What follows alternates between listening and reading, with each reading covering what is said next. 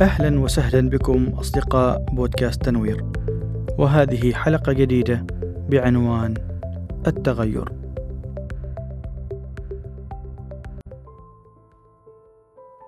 لا يمكن للحكمة أن تتشكل من تلقاء نفسها أي أنها تحتاج إلى عمل وبذل وجهد ليصل الإنسان إلى الحكمة والتغير.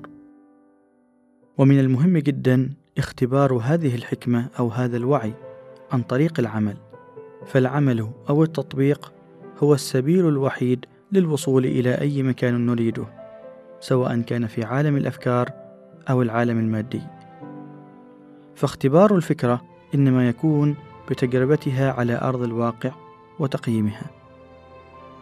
والعمل وحده هو من سيؤدي إلى التغيير على المستويين الداخلي والخارجي.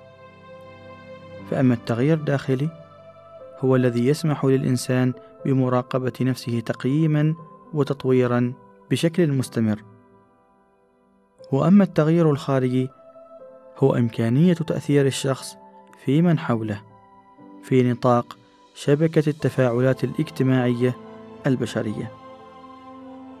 فالوعي المرتفع معدي وقوي التأثير. يقول ديفيد هاوكنز صاحب سلم الوعي في كتابه القوة مقابل الإكراه وهو الكتاب الأول ضمن ثلاثية الوعي. يقول بناء على نتائج علم الحركة بأن إنسانا واحدا بمفرده بمستوى وعي ألف درجة على سلم الوعي وهي درجة التنوير أن هذا الإنسان يمكن أن يضاهي الطاقة السلبية الجمعية للبشر قاطبة. وفرد واحد على مستوى سبعمية يعادل سبعين مليون فرد تحت مستوى الدرجة ميتين. وفرد واحد بمستوى ستمية يعادل عشرة مليون ممن هم تحت درجة ميتين. واثنى عشر فرد بمستوى سبعمية يعادلون أفتارا واحدا اللي هو الشخص الذي وصل على مستوى ألف درجة وهكذا. هذا يعني أن 12 فردا يمكن أن يغيروا شيئا في العالم كله. يمكن هذه المعلومة قد تبدو صعبة الفهم وغريبة ولا منطقية نوعا ما إذا كنت تسمعها للمرة الأولى. ولكن ضروري نسمع عنها ولو مرة واحدة وتقدر تبحث عن هذا الموضوع وتقرأ فيه. لكنه يريد يخبرنا أن كلما ارتفعنا على سلم الوعي درجة كلما كانت طاقتنا وتأثيرنا أكبر. لأن القيمة تكون أجمل وبالتالي تأثيرها أقوى.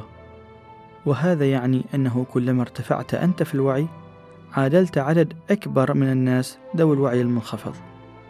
فإما أن تغطي سلبيتهم في الوجود أو تساهم في رفعتهم قليلا ليتمتعوا بحياة أفضل. بمعنى الكل مستفيد إذا أنت ارتفعت في الوعي. وهذا يعني أنك مسؤول عن أي تغيير تنشده على مستوى المجتمع والعالم. فلك دور لازم تشارك به. أنت وأنت أرواح عظيمة. تريد الخير للمجتمع؟ يرفعه بك. أنت لا تنتظر التغيير من الآخرين.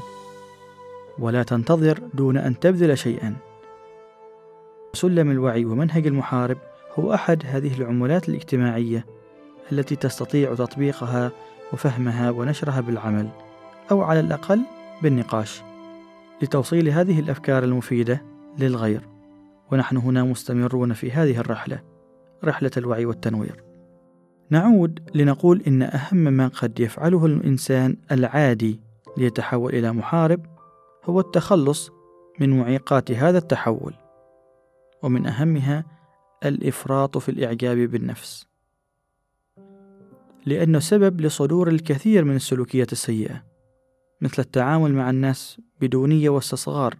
فبهذا التعامل يحق لهذا الإنسان أن يغضب على أي شيء يظن أنه قد اعتدى عليه. فمثل هذا الإنسان يعيش حالة الطوارئ والقلق من تلقي أي خدش في أفكاره فهو مستعد للهجوم في أي لحظة. وهذا بسبب الإفراط في الإعجاب بالنفس. أما التواضع مع الحياة فهو السبيل إلى الاندماج بسلاسة مع طاقة كل الحياة من البيئة من حيوان وشجر وطيور إلى البشر يعاملهم بمحبة ونقاء. فقيمة التواضع مثلا حسب مقياس هاوكنز أو سلم الوعي هي 350 درجة. وأما الغرور فيقع في 175 درجة وأقل قليلا. وهذا تطبيق بسيط لنعرف أين موقعنا من الوعي وما هي طاقتنا الحالية. هل هي طاقة قوية وداعمة أو هي طاقة ضعيفة ومضرة وهادمة؟ فإنسان متواضع كهذا يتواصل مع الكون بالاندماج معه يصبح قلبه مرهفا رقيقا مع كل شيء. فأحيانا تجده يتحدث مع النباتات والحيوانات ويسلم على الطيور والعصافير. هذا تواضع عظيم وليس جنون. إن قلبا كهذا هو قلب يحب كل الحياة ويمتن لوجوده فيها. هو أيضا قلب شفاف يستقبل النور ويمتلئ به ويشعه.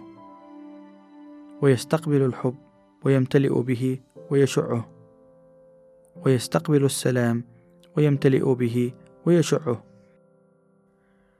فلا هو يصد تلك الطاقات المرتفعة أو القيم ولا هو يحتفظ بها لنفسه فقط ويبخل بها عن الغير بل تعبر من خلاله بسلاسة. فالكون والإنسان عبارة عن طاقات وذبذبات والإنسان الفطري هو من يستطيع أن يكون شفافا نقيا لأن هذا هو جوهر الإنسان الحقيقي. فالإنسان الشفاف الذي يسمح لأي طاقة بالمرور من خلاله يصبح مع مرور الوقت إنسانا أجمل في قلوب الناس لأنه يمتلئ بطاقات كبيرة ثم يفعلها في نفسه. وبالتدريب المستمر يصبح هذا الإنسان مؤثر جدا في من حوله بتلك الطاقة التي يقوم بإشعاعها. بعد أن فهمت هذه الفكرة وأعني فكرة الاندماج مع طاقات القيم وطاقات المصدر وجدت ذلك في كتاب الله بشكل عجيب وساحر بالنسبة لي. في سورة الضحى مثلا حيث يقول الله تبارك وتعالى مخاطبا نبيه صلى الله عليه وسلم ولسوف يعطيك ربك فترضى. ألم يجدك يتيما فآوى ووجدك ضالا فهدى ووجدك عائلا فأغنى. فأما اليتيم فلا تقهر وأما السائل فلا تنهر. وأما بنعمة ربك فحدث. سنعطيك يا محمد كل الطاقات التي تحتاجها لتمتلئ بها وتكون إنسانا كاملا.